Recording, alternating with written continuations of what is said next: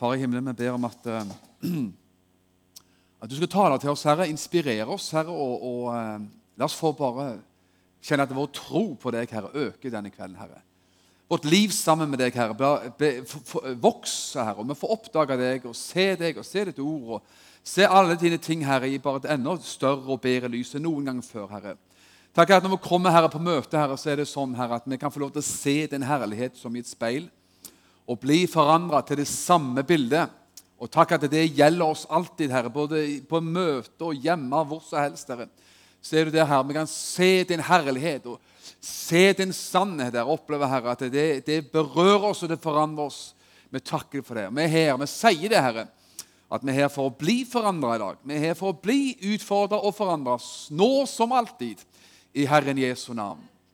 Halleluja. Pris Gud. Amen. Amen. Ja, det var um, godt å se de fleste av dere. Alle. Alle. Når jeg har briller på, leser på, så ser jeg jo ingen. Da er det bare, da er det som en blinde mann i Bibelen. at Han så bare skogen for bare trær. Nei, hva var det han gjorde? Nei, Det er et annet uttrykk. Han så mennesker som trær.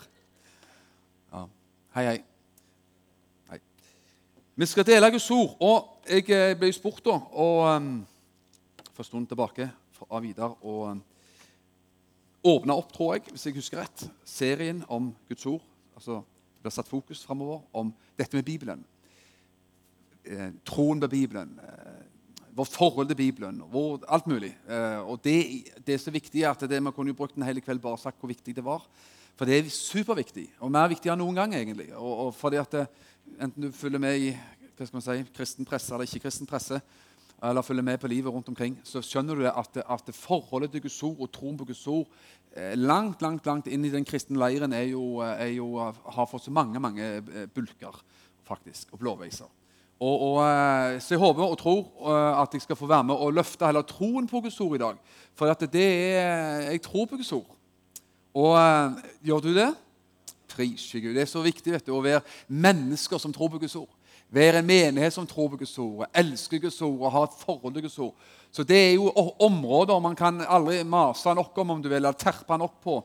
Og som egentlig burde hatt ikke bare altså søndagskvelder, da, virkelig hatt eh, grunnkurs og eh, kursing og greier på dette med Bibelen. altså. Og så at det, I menigheten her så skal det være et bibeltroende folk og bibelbrukende folk og bibelslitende folk som virkelig tror på, på Herrens ord. Vil du være en sånn person? Det var oppmuntrende tilbakemelding. Det skal jeg si, Den satt. Den satt seg skudd, det kan jeg love deg. Vi skal gå langt tilbake igjen i tid, i hvert fall, siden det var dårlig å hente, lite å hente her. Så skal vi gå noen hundre år, og kanskje faktisk eh, mer enn det òg, tilbake igjen i tid. La oss gå til skal bare få litt bibelbakgrunn her. Gå 700 år før Kristus. Det er jo eh, 2700 år eh, før, eh, før, vår tid. Så tilbake i tid. Så var det en kar som het Hiskia, som levde. Han var en bra kar. Kong Hiskia. Han eh, regjerte i, eh, i Sørriket Israel, i Juda. Han var en bra kar, en av de bedre kongene i, i landet. Og han, han, regjerte under vanskelig tid. Men han var en bra kar og, og sto i meget stor grad i hvert fall, for Gud og Guds ord og, og, og gjorde veldig mye bra. Han opplevde helbredelse òg. Han var, ble jo syk. Han fikk beskjed av profeten Jesajas at nå, nå, skal du, nå skal du snart dø så, så, eh, så, ropte han til Gud og sa, 'Herre, du ser hvordan jeg har vandra for ditt åsyn.' 'Du ser hvordan jeg har fulgt deg', osv. Han, han ropte til Gud. Og så fikk han en ny kontrabeskjed av Gud og sa at du skal få 15 år til eh, i, i ditt liv. Skal, jeg legger til 15 år til. Bare fordi han eh, ikke tok si, nei for et svar. Han sa, 'Herre, jeg ber om at du skal redde mitt liv, og at jeg skal få lov, leve, lov til å leve lenger.' Så skjedde det. Kong Hiskia var en bra kar. Så fikk han en sønn som var ikke bra. Han heter Manasseh. Nå skal ikke ta hele kongerekka verken Israel eller Juda eller, eller andre steder. Men, men Manasseh var den rake motsetningen til Hiskia av en eller annen merkelig grunn. Han var altså den, noe av det mest krekslige, ondskapsfulle og, og, og, og ugudelige som du kunne oppdrive i landet, faktisk.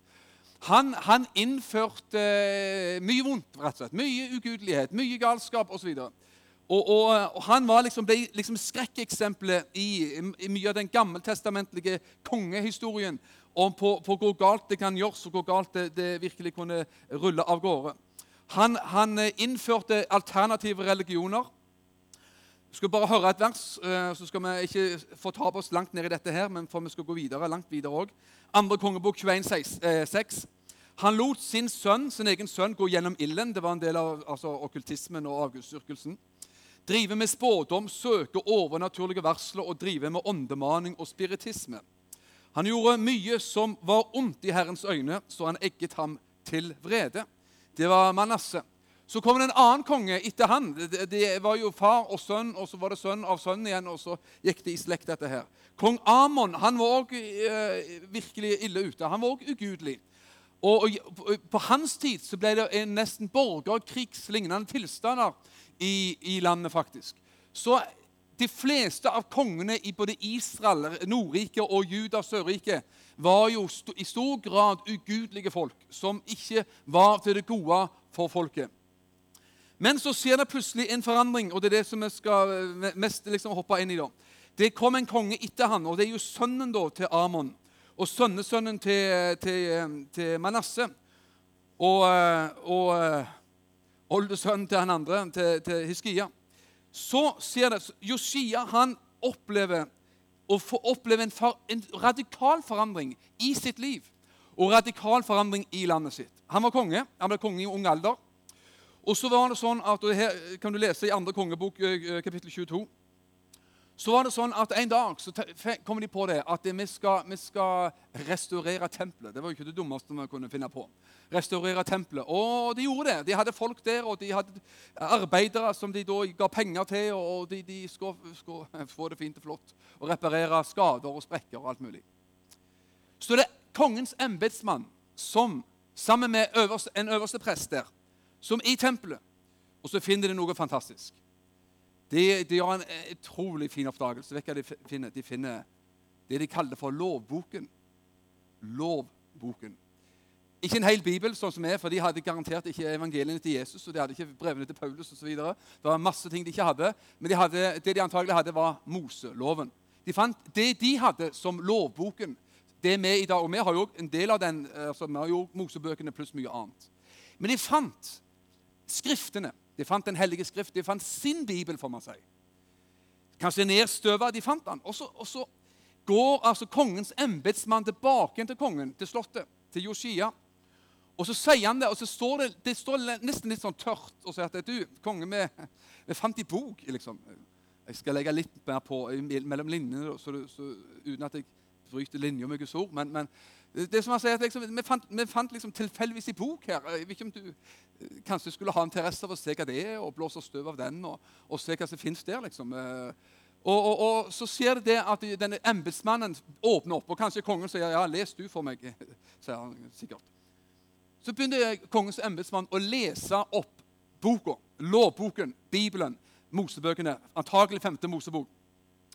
Og, le, og begynner å lese dette for kongen, Josia. Og mens han bare leser og Det, det ser ut som det er bare sånn en om du vil, tørr, saklig høytlesning. Uten noe mer eh, hva skal man si, vekkelsespredikant, eh, opplegg. vet du, eh, antagelig. For, og så, så, leser han dette her. Og så antagelig, Mellom linjene så tolker jeg det sånn at antagelig så hørte han om lovens forbannelse og lovens velsignelse. 5. Mosebok 28 blant annet. Der det står om at hvis du følger Herren Gud og går på hans veier og tror på hans ord og følger hans ord osv., så, videre, så skal du bli velsigna. Da skal det gå godt med deg og skal gå godt med folk og godt med landet. og det skal, gå, det skal gå riktig bra, for å ta kortversjonen. Og Det kan vi lese om selv, som sagt, i 5. Mosebok 28. Og så leste eh, embetsmannen også andre siden av loven, eller andre siden av saken. At hvis du da ikke følger Herrens ord, ikke går på Guds veier, ikke følger Hans ord og Hans bud og, og, og sånne ting, så skal forbannelser komme over deg, over deg, over landet. Altså, Hvis du følger Gud, så kommer det velsignelser. Hvis du ikke følger Gud, så kommer det forbannelser over landet. Og det er antagelig det da han virkelig hører. For så sier Bibelen at mens han hørte denne loven, denne lovboken opplest, så gjør han det som han gjorde på den tida. Det er jo, skal ikke jeg gjøre, i hvert fall nå. Jeg tror ikke noen andre bør gjøre det. Så tok han, De sønderreiv klærne sine. De tok bare liksom klærne og så raka det, liksom reiv det løs. Og, og det var liksom måten å vise anger på og krise på. Nå er det krisestemning. Nå er det ille her. Så da, da gjorde man det. Man, man, man flerra sine klær, og, og ofte så tok, kledde man seg i aske og stod sekk, eh, tok, eh, kledde seg i sekk, sekkestrier, uh, fillete klær, og tok på seg aske på hodet. Men han tok flere av sine klær og tenkte at det, og fikk en sånn, det som Bibelen kaller, det som man vel kalt i dag en syndenød. For han visste nå skjønner jeg hvorfor det er så ille ute med landet mitt. Nå skjønner jeg hvorfor det går nedenom igjen. Nå skjønner jeg hvorfor det er så galt overalt. Nå skjønner jeg hvorfor jeg ser at det der er forbannelse på forbannelse på forbannelse i landet mitt. Vi hadde glemt den lovboka som lå slengt i tempelet et eller annet sted, kanskje nedstøva i, i, i, støv og, og, smuss. Så så han at dette er jo den kontrakten Gud gjorde med sitt folk for mange mange år siden. Dette var avtaleverket. at Hvis dere gjør sånn og sånn, så går det bra. Hvis dere gjør det motsatte av min vei og min vilje, så går det dårlig. Så kjenner at det reiv han så steinhardt i livet at han nettopp reiv av eh, flere av sine klær og kom inn i en voldsom anger med sitt liv. Og Da har jeg lyst til å bare lese noen få vers om dette her. Og da går de til skal få eh, passe på alle, Jeg må ikke ta alle um, apropos her, for da kommer han ikke videre. Men så gikk de til ei dame, en kvinnelig profet. var det jeg skulle si. Hun var kvinnelig. Eh, dame altså, som var profet. For det er ikke alle som tror på det. Men uh, hun var dame. Og hun heter Hulda. Må ikke, foran, må ikke forveksles med Huldra, for det er noe annet. Men hun heter Hulda. Man, han, han, vokta, han var kleskammervokter. Så man, man i ekteskapet han, vokta, han var vokteren for kleskammer, for klesskap, og hun var profet. Så vet du det. Men hun sa bl.a. til kongen, vers 18, 2, 18, 2. kongebok 2.28. Men det er kongen av Juda som sendte dere for å spørre Herren om råd. Til ham skal dere tale på denne måten. Så hadde ord til kongen. Så sier Herren, Israels Gud, du har hørt disse ordene. Da ble ditt hjerte mykt, og du ydmyket deg for Herrens ansikt. Da du hørte hva jeg talte mot dette stedet, og mot dem som bor her at de skal bli til ødeleggelse og forbannelse. Da han har hørt dette opplest, altså fra Moseloven, da, så, så, og hørte det her, da flerret du klærne dine og gråt framfor mitt ansikt. Derfor har jeg også hørt deg, sier Herren. Og så, så går det noen ord der videre. Og da er det sånn at det, Han hørte Guds ord. Han fant, For det første så fant de Guds ord. De gjenoppdagte Guds ord. De blåste støv av Guds ord. Lese Guds ord, hørte Guds ord. Og da kom det springende og avgjørende punktet, ne nemlig hva gjør du og meg når vi får høre Guds ord? Hva gjorde Josia? Jo, når han hørte det, så flere enn sine klær i anger, i bot og bedring, i, i tårer og omvendelse innenfor Gud. Og sånn er det, og det kan vi òg gjøre. Når som helst, egentlig. Når vi hører Guds ord talt innover, innover våre liv. Når Bibelen lyder, eller vi leser Bibelen og hører forkynnelsen, så hvordan reagerer vi på Guds ord da? Jo, enten kan vi gjøre vårt som Bibelen også forteller om andre eksempler, gjøre vårt hjerte hardt. Oppleve at det blåser man av, det forakter man. Man går i selvforsvar. Man, man går over i egen rettferdighet og, og begynner å, liksom, å, å, fikse på sannheten og, og pynte på liksom, tilværelsen. Eller så er, er, man bare så brutalt ærlig, sånn som Josia var, at han hørte Guds ord og sa at dette er ille. Vi har jo vært frafallende hele gjengen her. altså. Vi har jo ikke, På tiår på tiår har vi ikke fulgt avtaleverket med Gud, paktens ord med Gud. Og så angrer han som, som, en, si, som en gal, men det, det angrer som en normal. Angrer som en ordentlig bra konge og fikk redda sitt eget liv. Og Gud sa i de tid skal det være fred. Og så, så gjorde de noe fantastisk. De gjorde en enorm opprydning i landet i, hos kong Josias i tid. De renoverte tempelet, det gjorde de selvfølgelig, men de fikk ut den avgudsdyrkelsen som hans egen bestefar hadde innført, med spiritisme og prostitusjon og sånne ting, så fikk de rydda, sier Bibelen, at de rydda det ut av landet. ut av, eh, og, og, og fikk fjerna så godt de kunne alle ting. Og så instruerte de folket. De kjørte opplæring i lovboken.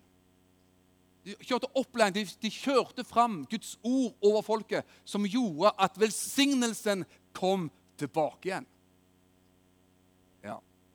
Lovboken, jeg vet ikke om det Ordet lovboken er problematisk ord. hvis det er det, og det, Jeg har ikke problemer med sånne ord. Men noen har liksom, har ordet lov, så, så, går man i forsvar og sånt. Men, men, vet du hva?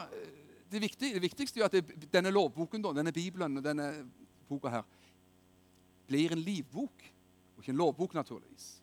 Men at når Gud har sagt det er lov og det er ikke lov, så det burde ikke vært et kjempeproblem for noen av oss. selvfølgelig. Men skjønner, du kan velge om det skal være en, en livsdrepende lovbok, da, eller om det skulle være en livgivende livbok, denne boka som kalles for Bøkenes bok, Bibelen. Det er fantastisk. Et ordspråk 1434. Rettferdighet opphøyer et folkeslag, men synden er en skam for folkene, sier ordspråkene.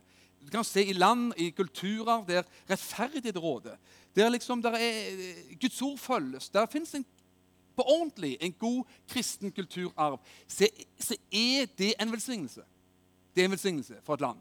Og når det begynner å rives ned, og det har jo blitt revet ned i Norge eh, etter mitt syn gjennom mange mange år, og, og det er veldig mye kamp rundt f.eks. også eh, Amerika, eh, både nå og i disse dager, og for så vidt ellers òg, at det er mye kamp om, om hva vei visse land skal gå, faktisk. Enten du er enig i den ene eller andre presidentkandidaten i USA, og det er ikke mitt emne i det hele tatt, overhodet, så er det kamp. Det, det, det er ikke noe land som har betydd mer for kristen misjon i, i, i mengde enn USA, f.eks.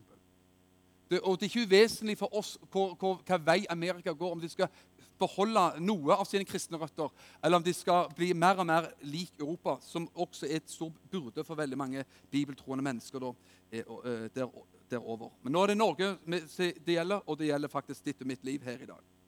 Troen på Bibelen. Og Det var ikke noen fors, det var ikke hint om den ene eller andre presidentkandidaten. skal jeg si deg. Det er bare artig å følge med, og kanskje ja, dels morsomt og dels tragisk. Men hør en ting. Troen på Bibelen. Troen på Bibelen. Bli en bibeltroende kristen. Bli en, en som elsker Guds ord. Bli en som bruker Guds ord. Bli en som kommer inn i Guds ord. Hvorfor tror kristen på Bibelen? Mitt emne her i dag, overskriften er hvor, eh, 'Hvorfor tro på Bibelen?' Og så jeg prøver å forklare det. Eh, nå har jeg jo bare dratt en liten eh, gammeltestamentlig historie. Fra Josia, hvordan Bibelen kom til heder og verdighet igjen i hans tid. Og det betydde, hva det betydde for landet, og hva det betydde for ham. Hvorfor tror kristne på Bibelen? Kristne har kristne, Bibeltroen, altså sanne kristne, får man si. Det våger jeg å si. Jeg våger å si, si det så fremodig. At det sanne kristne har til alle tider trodd på Bibelen, Guds ord. Så har man til forskjellige tider vektlagt forskjellige ting fra Guds ord alt etter tid man levde i, og man var barn av sin tid. Og så har man på forskjellig vis også, også trossamfunnet har vektlagt forskjellige ting fra Guds ord. Pinsebevegelsen har sin vektlegging, metodistene har sin vektlegging, fordi at man kom ut av en vekkelse. Det starta med en vekkelse der man, man fikk løfte opp og fram visse ting som man da mente hadde ligget brakk i, i, mange mange generasjoner. Og Derfor så har forskjellige vekkelsesbevegelser eh, sett dagens lys og, og, og veldig, eh, virkelig hatt sin misjon. Hvorfor tror kristne på Bibelen? Er mange grunner til det. For det første, for meg er det viktigste er Bibelens eget vitnesbyrd. Bibelens egen interne og innvendige bekreftelse. Vår bibel er som et kolossalt innvendig bindingsverk med, med, med, med veire og spjelker og stolper som går på kryss og tvers innvendig for å holde den boka her sammen. Og vet du hva? Den er skrevet Den har 66 bøker, har han ikke det? Jo. Skrevet av ca. 40 forfattere over en periode på 1500 år. Fra konger til fiskere, for å si det sånn. Og den har en utrolig evne til å bekrefte seg sjøl. Hva mener jeg med det? Jo, jeg skal komme tilbake til det. Ting som ble sagt for eksempel, mange hundre år før Jesus kom, ja, tusen år før Jesus kom, eksempel, stemte på en prikk på den mannen fra Nasaret som kom da for 2000 år siden. Hvordan går det an? Det går egentlig ikke an hvis ikke det er Guds inspirerte ord. Faktisk gjør det ikke det. Det våger jeg å påstå. Kristne til alle tider opplever at det er liv i Bibelen. Den bekrefter seg sjøl. Den, eh, den har til alle tider forvandla menneskeliv fra det negative til det positive. Hvis jeg spurte, og det skal jeg ikke gjøre, for det alle vil rekke på nå, tror jeg. Hvis jeg spurte, Har Bibelen betydd noe for deg, fra noe, fra noe negativt til noe positivt, Han har hatt en positiv innflytelse på ditt liv, så ville du antagelig sagt yes, det har han, og jeg elsker Guds ord og jeg tror på Guds ord. Likevel så er det sånn at, at, at, at det er angrep på troen på Guds ord i vår tid. Og, det, Den fundamentet må man få må det støypt skikkelig i livet. I våre liv. Enkeltvis og i menigheten og, og og overalt. sant? Du vet, når du støyper et gulv, Jeg har ikke mye greie på det, da, men jeg vet jo såpass som jeg sier nå, så jeg skal ikke gå utover min enorme kunnskap, eller fattige kunnskap. Men når du støyper et betonggulv, så bruker du armeringsjern. Det er såpass har du og meg skjønt. sant? Du legger noe ned i betongen så at ikke det skal sprekke og ikke holde mål når det kommer tyngde på osv. Så sånn slag på, tyngde på. Sant? Og skjønner, Dette er troen på Bibelen, forståelsen av Bibelen og den personlige forholdet til Bibelen er så viktig, og det blir som en armeringsjern og sement i bakken i ditt liv som du kan stå på. For Hvis du ikke du tror på Bibelen som Guds ord, så er det jo sånn at det, alt du da hører på møter, vil du da veie opp. Ja, men er det virkelig så? De preker fra Bibelen, men er Bibelen virkelig Guds ord, da? Sant? Du kan høre det ene emnet etter det andre fra Bibelen, men hvis ikke du tror i, bånn i ditt liv at Bibelen er Guds ord, og den gjelder faktisk til alle tider, og den er øverste autoriteten i mitt liv ja, da, da, da, vil jo liksom, da, de, alle, alle, emnene man stabler oppå dette, her, vil jo være shaky, for man har ikke fundamentet i orden. Derfor er det så viktig å ha en klokkeklar og en krystallklar tro på Bibelen. Og jeg tror, For noen blir det bare en ren trossak. Jeg tror ferdig med det. Jeg føler det. Noen er der. Jeg føler at det er rett, så er det rett. Punktum. Bibelen, altså. Og andre sier jeg tror det, det er en trossak, og det er det òg. Og, og, og, jeg tror det, jeg har valgt å tro det, og det er en viktig dimensjon i det. Men går det an i tillegg å ha kunnskap eh, i sitt hode om Bibelen? Bibelens tilblivelse, Bibelens forskjellige bøker, bakgrunn for bøkene, hvordan de forskjellige bøkene passer inn i hverandre og flettes inn i hverandre. Hvordan, hvordan, ser man sånne ting? Og hvordan har man eh, peiling på sånne ting i livet? Jeg har ikke all peiling på det, men jeg har litt, for jeg, det er et emne som interesserer meg. Og jeg burde hatt mer tid og, og sånt, og, og grafsa meg inn i det. Men, men eh, så, så, ja. så, det burde man, for det, det interesserer meg. Nå hopper jeg veldig her, da, men jeg skal si hva som interesserer meg mer òg, da. Interesserer meg med forkynnere som, som, virkelig viser at de tror på Bibelen. Virkelig sier at jeg tror på Bibelen, og som behandler Bibelen sånn.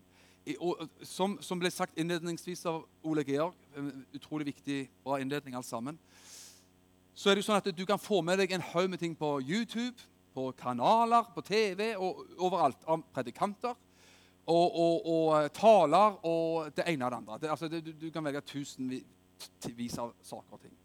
Og da må jeg si at jeg Personlig så lytter jeg til talere, og jeg liker noen, som har den holdningen at Bibelen er Guds ord.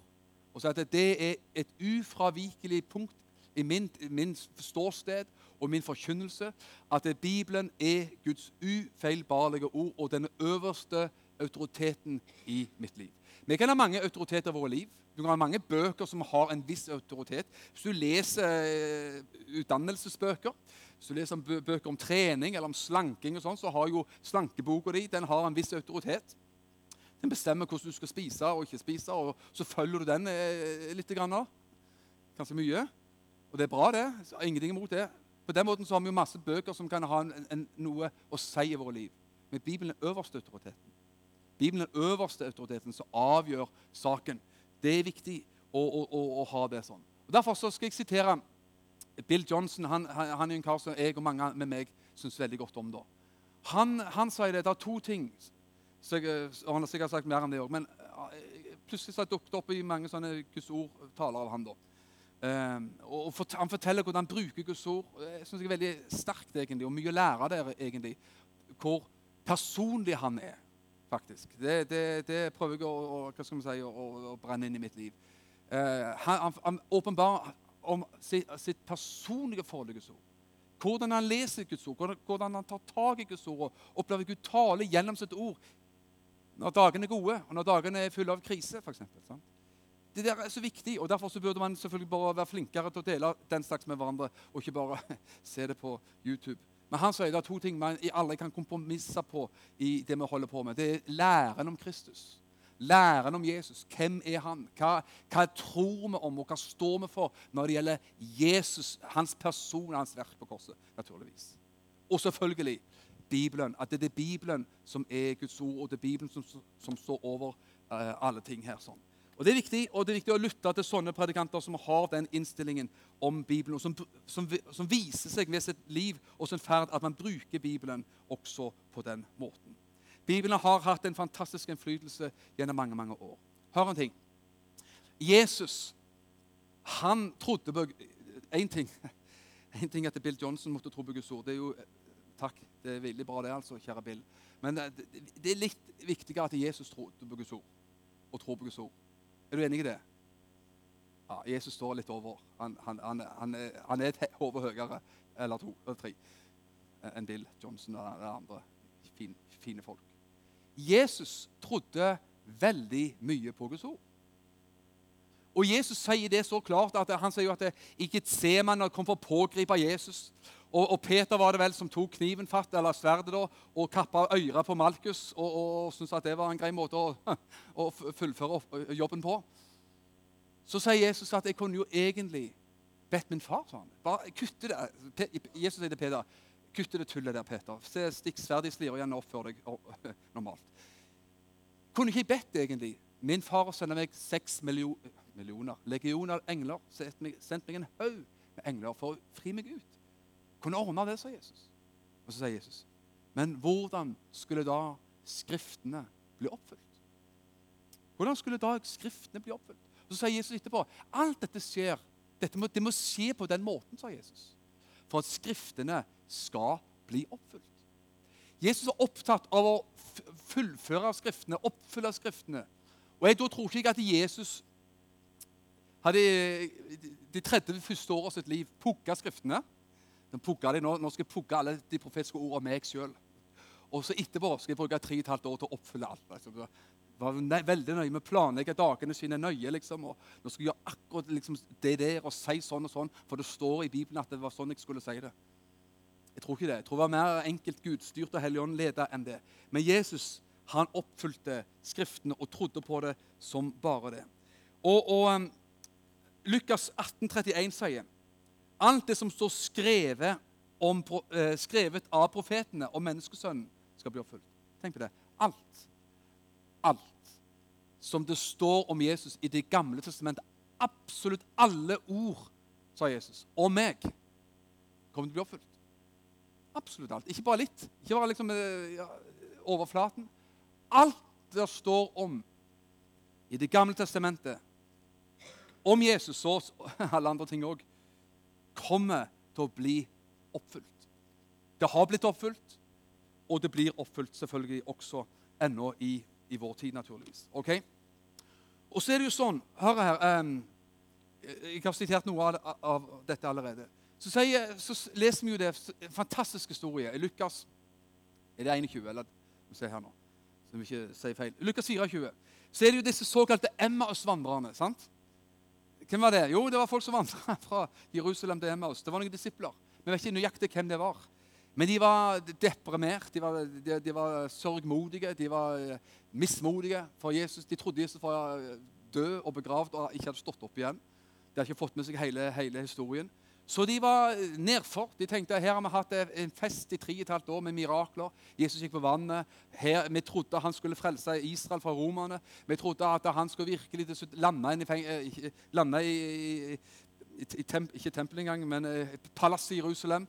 Og virkelig bli herskeren i landet, kongen i landet, og skulle virkelig fikse alle ting. Og så, så, så, så døde han like greit.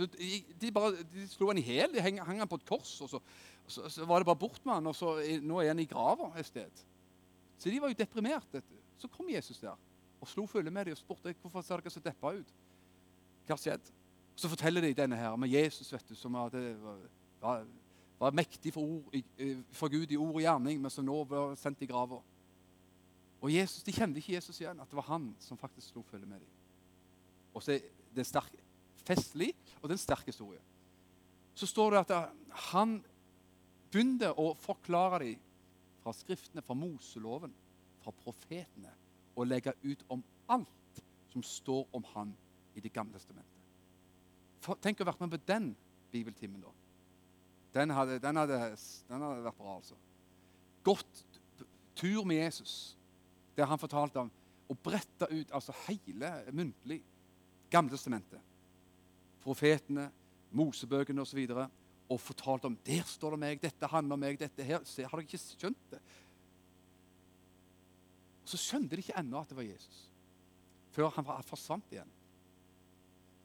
Men da sa de da sa de noe fantastisk. Vi burde visst det var Jesus, sa de. For de sa, brant ikke vårt hjerte i oss? Han åpna Skriftene for oss. Og Det skjer. Det bør skje med oss i dag. Når, når Gud, Den hellige ånd, i dag, i 2016, åpner Skriftene for oss, hva skjer da? Jo, du brenner hjertet. Du kjenner, å, du blir sånn satt i brann for Guds ord. Du blir sånn satt i, satt i brann for Jesus. Du blir sånn satt i brann for de ting som har med Gud å gjøre. For Skriftene er, de er levende. De ord jeg har talt, sa Jesus, de er ånd, og de er liv. Mine ord, de er ånd, og de er liv. Tenk på det. Så, så Jesus trodde jo kolossalt på, på Skriftene. Han siterte gjennom sitt liv Jesus levde jo sånn sett i Det nye testamentet. Han, han trodde jo på utroligste historier som mange i dag ikke tror på, mange forkynnere ikke tror på. I hvert fall prester og biskoper og sikkert forkynnere òg. Jesus trodde på historien om Adam og Eva. Han siterte, han refererte til skapelsen. Adam og Eva, Edens hage. Han refererte til Noah vannflommen, til Elias, til profeten Jonas som ble spist av en fisk, og en haug med andre ting. Jesus siterte alt dette her. Jesus, altså, er, vi kan ta i hvert fall ti gammeltestamentlige hendelser som Jesus siterte og omtalte som om de hadde skjedd. Som om det var sannhet. Hvorfor? Jo, fordi det var sannhet, naturligvis. Når de vise menn kom fra Østen, Østerland, Østen, for å finne Jesus, barnet Jesus, det nyfødte Jesusbarnet i Betlehem, så kommer de først til Jerusalem, for de hadde sett stjernen hans, kommet lang vei. Hva gjorde de da? Jo, de begynte å spørre seg for. I mangel på GPS og Facebook og oppdateringer og sånn, så måtte de begynne å spørre. Og så kom denne nyheten, forespørselen til kongen, kong Herodes. Han hørte det er ingen vise menn som går rundt i gatene her med noen eh, kameler og greier, som, som, som spør, spør til ny konge. Og Det visste jo ikke Herodes noe om. for. Han visste at er det noen er konge her i, her i, gården, så er det meg, så, så er det mine sønner. Så, så, så det ligger i slekta. Men, men eh, så, så, han, kong Herodes, når han hørte om at det var født en ny konge, så var jo han både forskrekka og provosert. Så han sa jo det at 'jeg må finne ut av dette her'. Og selv om da han ville utrydde denne kongen, som han prøvde på, hvor gikk han for å finne hvor Jesus var født? hen? Hvor gikk han hen? Han gikk til Bibelen. Til profetene, til Mika. Spurte de skriftlærde du, det skal, står det noe, en plass her om en ny konge som skal komme. Ja, ja, så bladde de opp. og så, ja, det er Mika 5. Der står det at det skal komme en konge, en fyrste fra, fra Betlehem. Og da, Selv da, når han fikk det fra Bibelen, fra Skriften, så, så klarte han ikke å liksom, slutte å ha mord i blikket. Så han, han, prøvde jo så godt han kunne å få tatt livet av Jesus. Sant? Vi kjenner den historien. Jesu død på korset, det er, det er historiens midtpunkt. Det er Bibelens midtpunkt. Er du enig i det? Utallige ganger den har blitt profetert om i Det gamle testamentet. Jesu ikke bare fødte sted Betlehem. Men vet du hva? Skal ikke gå for langt, for dette, da kan man risikere å, å spore liksom litt feil av gårde. Men så går til f.eks. Daniels bok, kapittel 9, vers 24-25 der. Skal jeg lese det for deg?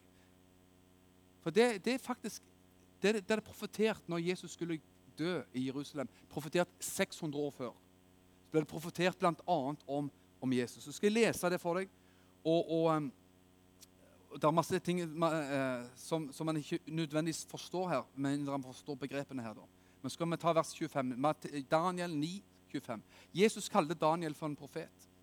Derfor skal du vite og forstå at ut at fra ordet, fra ordet om å gjenreise og bygge opp igjen Jerusalem går ut. Når gikk det ordet ut? Det gikk ut et ord om at Jerusalem skulle gjenoppbygges. Det, det ordet det gikk ut av kongene av Persia i år 445 før Kristus. Du kan lese om det i Nehemia 2. Så det kan, ta, det kan årstallsfestes. Fra den dagen, fra det året det ordet gikk ut om å bygge opp Jerusalem, inntil, altså fram til Messias, fyrsten kommer, skal det være sju uker og 62 uker. Ok? Her er det ting du ikke forstår. det skjønner jeg. Gaten og vollgraven skal bli bygd opp igjen, men i tider med trengsel. Etter de 62 ukene skal Messias bli utryddet. utryddet. Ingenting skal han ha. Og så står det flere ting etterpå som handler om Antikrist. Men hør. Fra år 445, når ordet om å gjenoppbygge Jerusalem gikk ut, så sier, så, og fram til Jesus Messias ble utrydda, så, så det står her, så er det 69 til sammen årsuker. Og en årsuke var syv år. Så du kan regne 69 ganger 7. Så finner du tallet, og når du da, tar høyde for at den jødiske årsregninga, eller antall dager per år i den jødiske kalenderen i Bibelen, var 360 dager og ikke 365, og du tar omregning på det, så lander man midt i Jesu liv og tjeneste. Noen mener til og med jeg kan godt si det uten at jeg skal si det for egen regning, da, men noen mener at du lander på år 32. April år 32. Det stemmer ikke veldig dårlig med det når Jesus ga sitt liv. i så fall. 600 år cirka da, profetert før, så sier fra den dagen det går ut et ord om å gjenoppbygge Jerusalem, fra da du, så sier egen profeten du kan telle fram til når Jesus ga sitt liv. Og vet du hva? Eh, det er din og min bibel. Sånn er din og min bibel. Derfor så burde man bli glad i Bibelen, jeg håper å si forelska i Bibelen, elsker å lese Bibelen og få tak i disse tingene her. sånn. Til og med det Jesus skulle si på korset, ble profetert tusen år før det skjedde. Salme 22, 22,1. Min Gud, min Gud, hvorfor har du forlatt meg? Det, ropte, det kjenner vi godt til. Jesus ropte det på korset. Det ble ropt ut i en profeti av kong David tusen år før det skjedde. Om at Jesus skulle bli håna, spotta og latterliggjort på korset, som han ble. Det er nesten ordrett profetert om, sånn som Jesus sa det. Det er det ordrett nesten profetert om tusen år før. Jesajas eh, kapittel 7 forteller jo om at Jesus skulle, skulle kalles fredsfyrste. Eh, profetier forteller at han skulle ri på eh, et esel inn i Jerusalem. Replikker som Jesus sa og ble sagt om Jesus, ble forutsagt hundrevis av år. 700 år, 800 år, 1000 år før Kristus Jesus. Det, det, er din og min bibel, faktisk. Så mye kan vi stole på Bibelen. Og vi kan stole på det som gjenstår. De profetiske ord som gjenstår om Israel, ende, Midtøsten, videre endetiden, Jesu, ikke minst Jesu gjenkomst og endelige seier. Kan en tro på det? Kan man det? Ja, man kan det. Man kan tro på det. Men én ting er sikkert, vi er nærmere enden enn noen gang før. Vi kan tro på en hel bibel. Vi kan tro på en hel bibel. Gamletestamentet og Nye testamentet, selvfølgelig. Vi kan tro på alt sammen. Sånn er vår bibel. Mot slutten her så må jeg bare få si uh, Hva har dette med oss å gjøre? For dette med prøver det, og det er jo kanskje en kunst, og der kommer ofte det personlige inn. Som man burde selvfølgelig dyrke bare enda mer. Det er mitt forhold til Bibelen, ditt forhold til Bibelen. Hva har alt dette å si for oss? Hvordan sluser vi dette inn i 2016? Ja, Det man i hvert fall ikke gjør. Man driver ikke og kapper, kapper kantene på Guds ord og, og, liksom driver og klipper ut ting. Det gjør man ikke. så Det, det er utelukka. Vi tror på en hel bibel, men Bibelen selvfølgelig skjønner man, eh, skal se, leses, forstås på rett vis. Det er du enig i? Tror på en hel bibel, fra perm til perm, inkludert permene. Bare sånn for å være helt sikker. sant? Men alle av oss skjønner at det, eh, man har ikke tatt med dyreofringer fra GT inn til Nytestamentet. Man har ikke tatt med omskjærelse fra Gammeltestamentet til Nytestamentet. Så her har du den store greia. Hvis, hvis min eh, høyre hånd er Nytestamentet, og, og den venstre mi er Gammeltestamentet, hvordan, hvordan flettes og bindes og liksom foldes dette sammen? da? Det gjør det. Det er overganger. Det er en tilknytning som gjør at vi kan forstå Bibelen en, og bruke Bibelen selvfølgelig på en rett og god måte og på en særdeles bibeltro måte, naturligvis. Men her, denne boka her Jeg har lyst til å bare oppmuntre deg til å lese Bibelen systematisk på et eller annet vis, eller trofast. Det er mange måter å bruke Guds ord på og lese Guds ord på. Du kan ha bibelleseplan, skal du få det så praktisk som det nesten går an, tror jeg. Du kan ha bibelleseplan som enten fins bak i Bibelen, eller få en egen bibelleseplan, eller du kan bare bestemme deg for at jeg kjører f.eks. to kapitler av Gammeltestamentet og ett kapittel i Nytestamentet hver dag. Og Hvis du glemmer det en dag og ikke har tid en dag, så falt du ikke fra. Du ble ikke barn av antikrist for så lett. det, er så, det, er ikke så, lett. Men, men, men, men det er liksom målsettingen, f.eks. Eller mindre. Ett kapittel i dagen, eller to, eller hva som helst. Sånn. Poenget er les Bibelen. Les Bibelen. Begynn et sted. Les, bla igjennom, les igjennom etter mitt syn da, Jeg er jo glad i farger, da, så jeg liker farger og tusje og male og, og, og, og bruke den på den måten. da. Den dagen han, Bibelen ikke orker mer maling, så kjøper vi ny. Da har vi råd til ny etter ti år. Det, det, går bra, vet du. Sant? Vær en som gjør Bibelen til en personlig sak. Til en personlig ting. Så, som, og igjen, Det er mitt syn, for jeg bruker, har jo en engelsk bibel som jeg har brukt mange år. og sånt, Men jeg leser ikke mange forskjellige bibler. Jeg må ha liksom én som er min ting, liksom, min bibel som jeg finner fram i. som jeg kjenner at Der har jeg notert, der har jeg farga, der har jeg skrevet noe i margen og alt det der stil der. Men uansett Vær en sånn som leser Bibelen og kjenner hele Bibelen. Studer av det emner. Bønn, tro, kjærlighet, eh, misjon, eh, nådegaver, hva som helst. Så kan stå der er emner. Men vær en som kjenner Bibelen, bruker Bibelen og har den, den skikkelig, på skikkelig vis din egen Bibel. Du vil oppleve, tror jeg, at, du at Guds ord blir levende og sterkt inni ditt liv. Levende og sterkt. Så en, koker det enda mer ned til det personlige, og det er Gud kan stoppe meg nå, men det vil han ikke likevel, så det er greit. Men veldig snart du kan få personlige ord fra Gud i Bibelen. Så du kjenner at, så jeg deg Er det noen ting i Bibelen som bare er dine ord? Dine ord og mine ord. Altså, disse ordene har betydd så mye for meg. Så kan du bla opp fem eller ti eller 15 skriftsteder si at disse ordene har vært mitt, eh, min, min mat, min bensin mitt Alt, altså. Gjennom et langt liv. Eller kort liv. Eller periodevis. Det er fantastisk å ha det. Og det er jo fantastisk. Tenk hvis man hadde ti stykker som sa at det ordet har båret meg gjennom sånn og sånn i livet. De og de løftene, de og de ordene fra Gud har betydd ufattelig mye. Enten i en spesiell periode, spesiell krise i livet, eller som bare har vært sånn generelt sagt vært en sånn, sånn en, eh, virkelig mat i mitt liv. Det må bli personlig. Og det kan bli personlig for oss. Det kan bli personlig på en sånn måte at du kjenner at det, Bibelen kan ingen, ingen ta fra deg.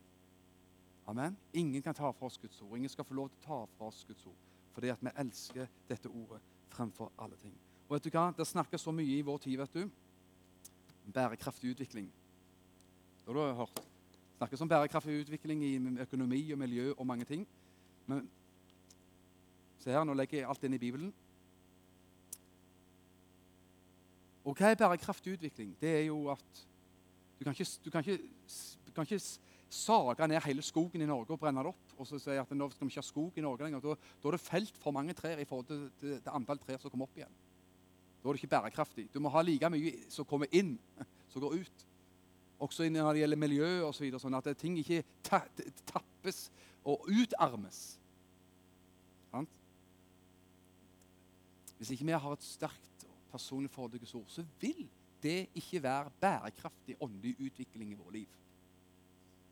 Derfor må du ha input og innførsel og, og oppvekst og framvekst og dyrking av Guds ord i ditt liv, sånn at du virkelig er gjenstand for en bærekraftig utvikling. Sånn at det, du lever gjennom livet, livets uh, gleder, sorger, slitasjer og, og, motstand og hva som helst ruller og går i våre liv. Du er nødt til å få masse input fra Guds ord, sånn at du kan ha en bærekraftig utvikling i ditt liv. Amen. Himmelske Herre, jeg bare ber om at eh, de ordene som jeg har talt her i dag, skal skal skape framfor alt brann for Bibelen. Skal, at vi skal tro på denne boka her. sånn. Elsker denne boka her. Og kjenne at det er så viktig og så bra. og Man, man klarer liksom å trenge gjennom eventuelt om det er vanskelige passasjer eller vanskelig å trenge inn i selve ordet, så ber jeg at det skal finnes hjelp, Herre, til å virkelig få tak i Guds ord. Og den enkelte av oss skal oppleve det, Herre. At det, det å tro på Bibelen, tro på en hel Bibel og, og skjønne oss mer på dette ordet, Herre, det er til glede. Det er til nytte for oss, Herre i Jesu Kristi navn. Og hjelp oss faktisk til å være motstrøms i forhold til mye av de trendene som fins. At Bibelen vannes ut, og Bibelen eh, kappes av. Herre, vi takker deg at vi kan få lov til å tro på hele Den hellige skrift, Guds inspirerte ord. I Jesu Kristi dyrebare navn. Takk for det, Herre. Amen. Prise Gud. Jeg tror vi skal reise oss, og så skal vi, skal vi tilbe Jesus litt her synge og være med i uh, dette fantastiske lovsangsteamet her. Veldig gøy å høre gjengen her. Veldig bra. Når jeg sto nede her i dag uh, før talen, så kom det veldig til meg at det er folk som står på Jeg skal nevne spesielt det som kjenner. Det er valg. At du, vurderer ting som faktisk ikke er til, det gode for deg. Og du har vært under feil innflytelse av mennesker, som, som, og du er på nippet ut fra den feile innflytelsen du har vært, påvirkningen du har vært fra andre folk, så er du i ferd med til å ta steg og sprang ut i feil valg. Og jeg tror det er sånn at du har faktisk av mennesker blitt, fått det påpekt, fått det advart. Men det som jeg sier nå, blir en bekreftelse til at du skal snu på de valgene som du er i ferd med å ta. faktisk. Jeg sier det sånn, og sier, kan ikke legge noe mer til eller trekke noe mer fra enn å si det akkurat sånn. Og Du som kjenner at det, det, var til meg, og det var den siste bekreftelsen, bekreftelsen jeg trengte fra Gud til å, til å, velge rett og ikke velge feil, så ta det inn i ditt liv i Herren Jesu Kristi navn. Hvis du er her i dag som ikke kjenner Jesus personlig, kjenner han, tror på han og har et personlig forhold til Jesus, så er det sånn at uh, vi må alltid du, gi mennesker den anledning. For det er det viktigste, det er det herligste som fins, og det er det viktigste som fins.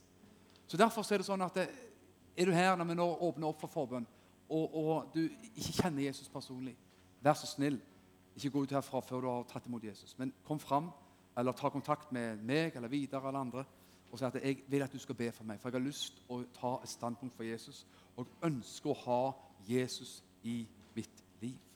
Enkelt og greit. Amen.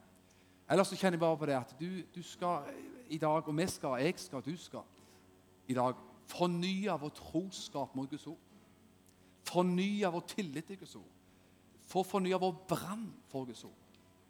Og rett og slett forny brann for bibellesning. At du kan sitte i en god stol med en kopp kaffe eller noe annet eh, som du liker. da å spise Guds ord. Ha, ikke ha sånn hastverks-pes på Guds ord alltid, men sette seg ned og lese Guds ord. Nå skal jeg lese Guds ord. Skal jeg studere? Skal jeg ha det kosestund med en åpen bibel? Amen.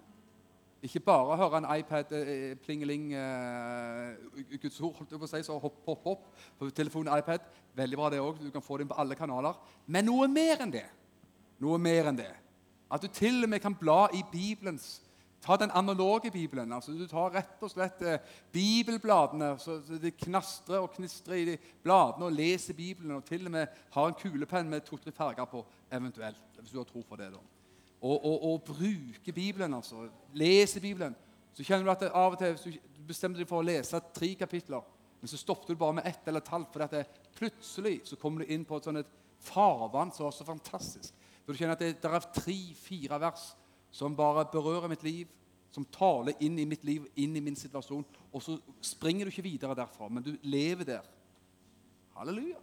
Så skriver du kanskje ned det skriftstedet, så har du det med i baklommen din, og tar det opp på jobben din, eller henger det i bilen din et sted, eller tar bilde av det med telefonen din.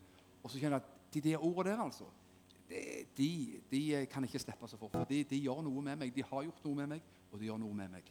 Og så, så, så, så slår du leir på de skriftstedene på spesielt vis. Samtidig som du gjerne leser videre neste dag. Men så er det noen ord du alltid, alltid, alltid, alltid kommer tilbake til. Det er noen ord jeg fikk, og jeg mener faktisk at noen ord som jeg ikke skal si til deg.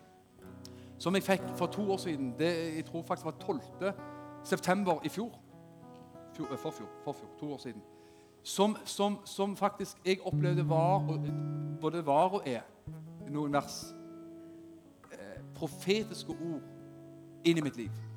Var og inn i mitt liv og er inn i mitt liv.